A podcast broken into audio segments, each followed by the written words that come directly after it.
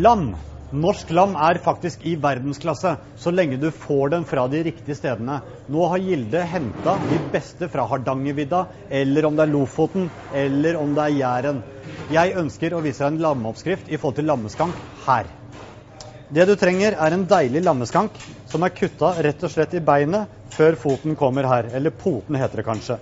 Rosmarin, litt løk, purreløk, gulrøtter, pastinakk. Ikke minst hvitløken, den er også viktig. Med litt hvitvin og knuste tomater så skal vi lage en herlighet i forhold til lammeskank.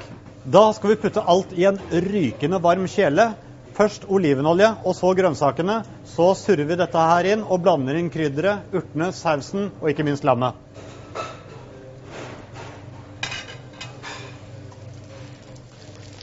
Så er det hvitløken, rosmarinen, og ikke minst lammeskanken. Den skal også brunes, slik at den får en fin farve.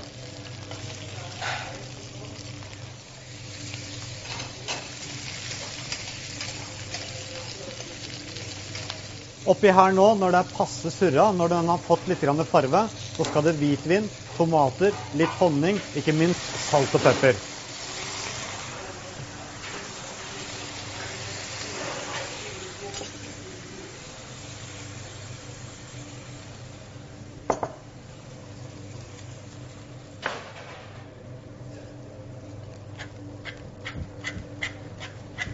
Det hele pakker jeg inn med aluminiumfolie. Så setter jeg det hele inn i ovnen i 180 grader ca. 2 til 2,5 timer.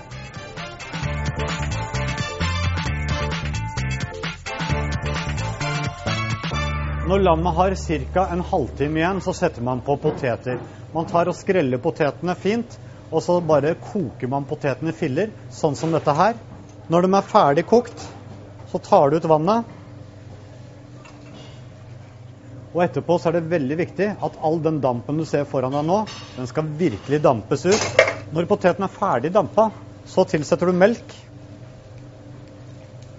Og ikke minst smør. Det hele stapper du med hjernen stapper. Det har ikke jeg nå, så jeg bruker en øse. Men det er veldig enkelt når du koker poteten i filler.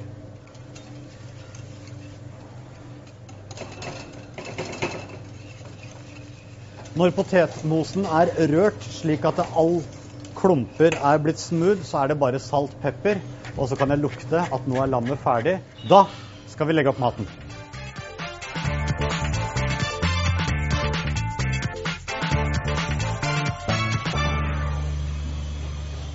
Når vi legger opp, så er det alltid greit å ha litt garnityr i midten, slik at potetmosen kommer frem. Ellers så blir hele potetmosen skjult under sausen. Lammet legger jeg så på toppen. Med også litt ekstra saus rundt. Det hele pynter jeg med kruspersille og ikke minst herlig kvaster av rosmarin. Når retten ser sånn ut, så er jeg ikke flau for å si vel bekomme.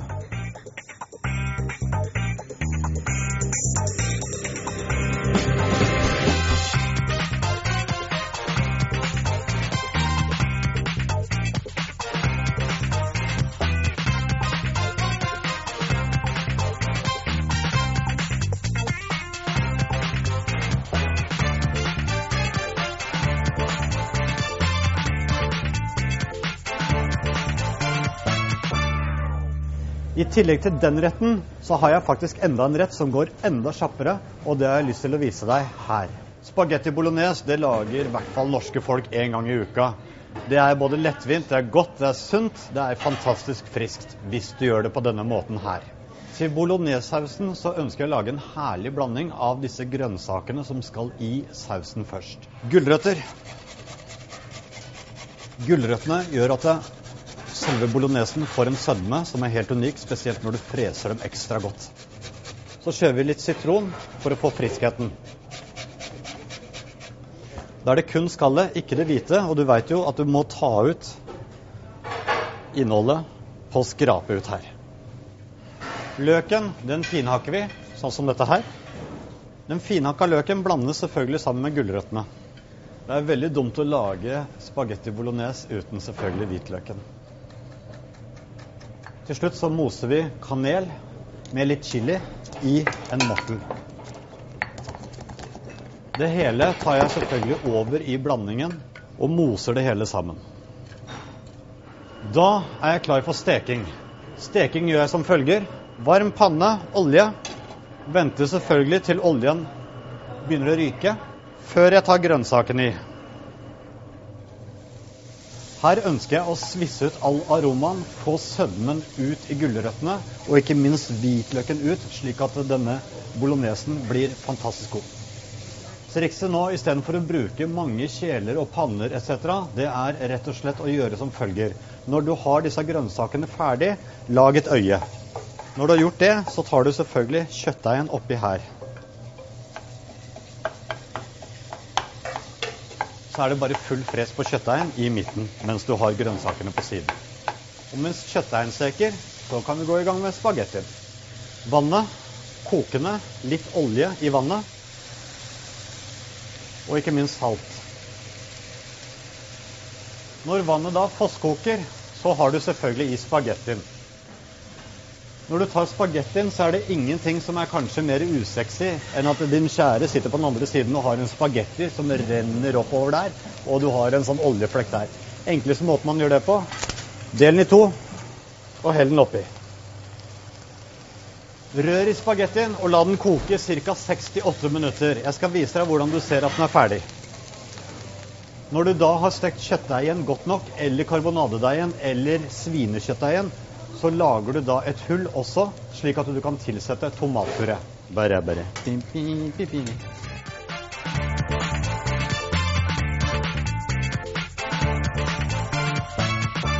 Så ønsker vi å kjøre i gang og åpne en tomatpuré. Tomatpureen er veldig hard i forhold til boksen. Den beste måten å åpne på, det er å legge en finger slik som dette og Tulla. Boksåpneren min er over der, så jeg må gå og fikse det. Da går jeg i gang med de siste ingrediensene. Det er bacon, tomatpuré og litt tomatsaus. Og så vil jeg toppe det hele med melk, kun for å gjøre den litt barnevennlig, og ikke minst at alle blir mette. Tomatpureen freser man for å få ut de der bitterhetene. Det skal bare en liten fresing til. Litt røring, litt fresing, litt røring og litt mer fresing. Så er all bitterheten i tomatene vekke. Det hele da toppes med knuste tomater, hermetiske.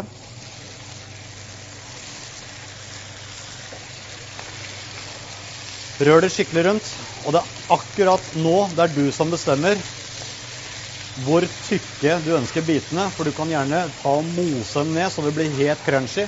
Jeg liker tykke biter i min spagetti bolognese. Så kjører vi inn litt timian. Ta litt salt. Melk. Veldig mange spør hvorfor vi bruker disse tubene her hele tiden, men det er en plikt i ethvert kjøkken. Det er blitt et sånn storprodukt, og alle kjøkken lager mye av disse her. Og det er fordi at da har man mye mer kontroll i forhold til hvor mye som kommer egentlig ut. Hadde jeg gjort det samme med melkekartong, så hadde jeg hatt et stort problem. Det hele røres godt rundt, og ta selvfølgelig med pepper på slutten, slik at det blir ekstra godt. Spagettien sjekker du veldig enkelt om den er ferdig. Du gjør det svært enkelt med å knekke spagettien og se at den har en liten hvit prikk i midten. Det betyr at spagettiene er al dente. Ikke gjør sånn som alle nordmenn sier, at du skal kaste den i taket, og så skal den sitte den fast. Men det funker, det òg.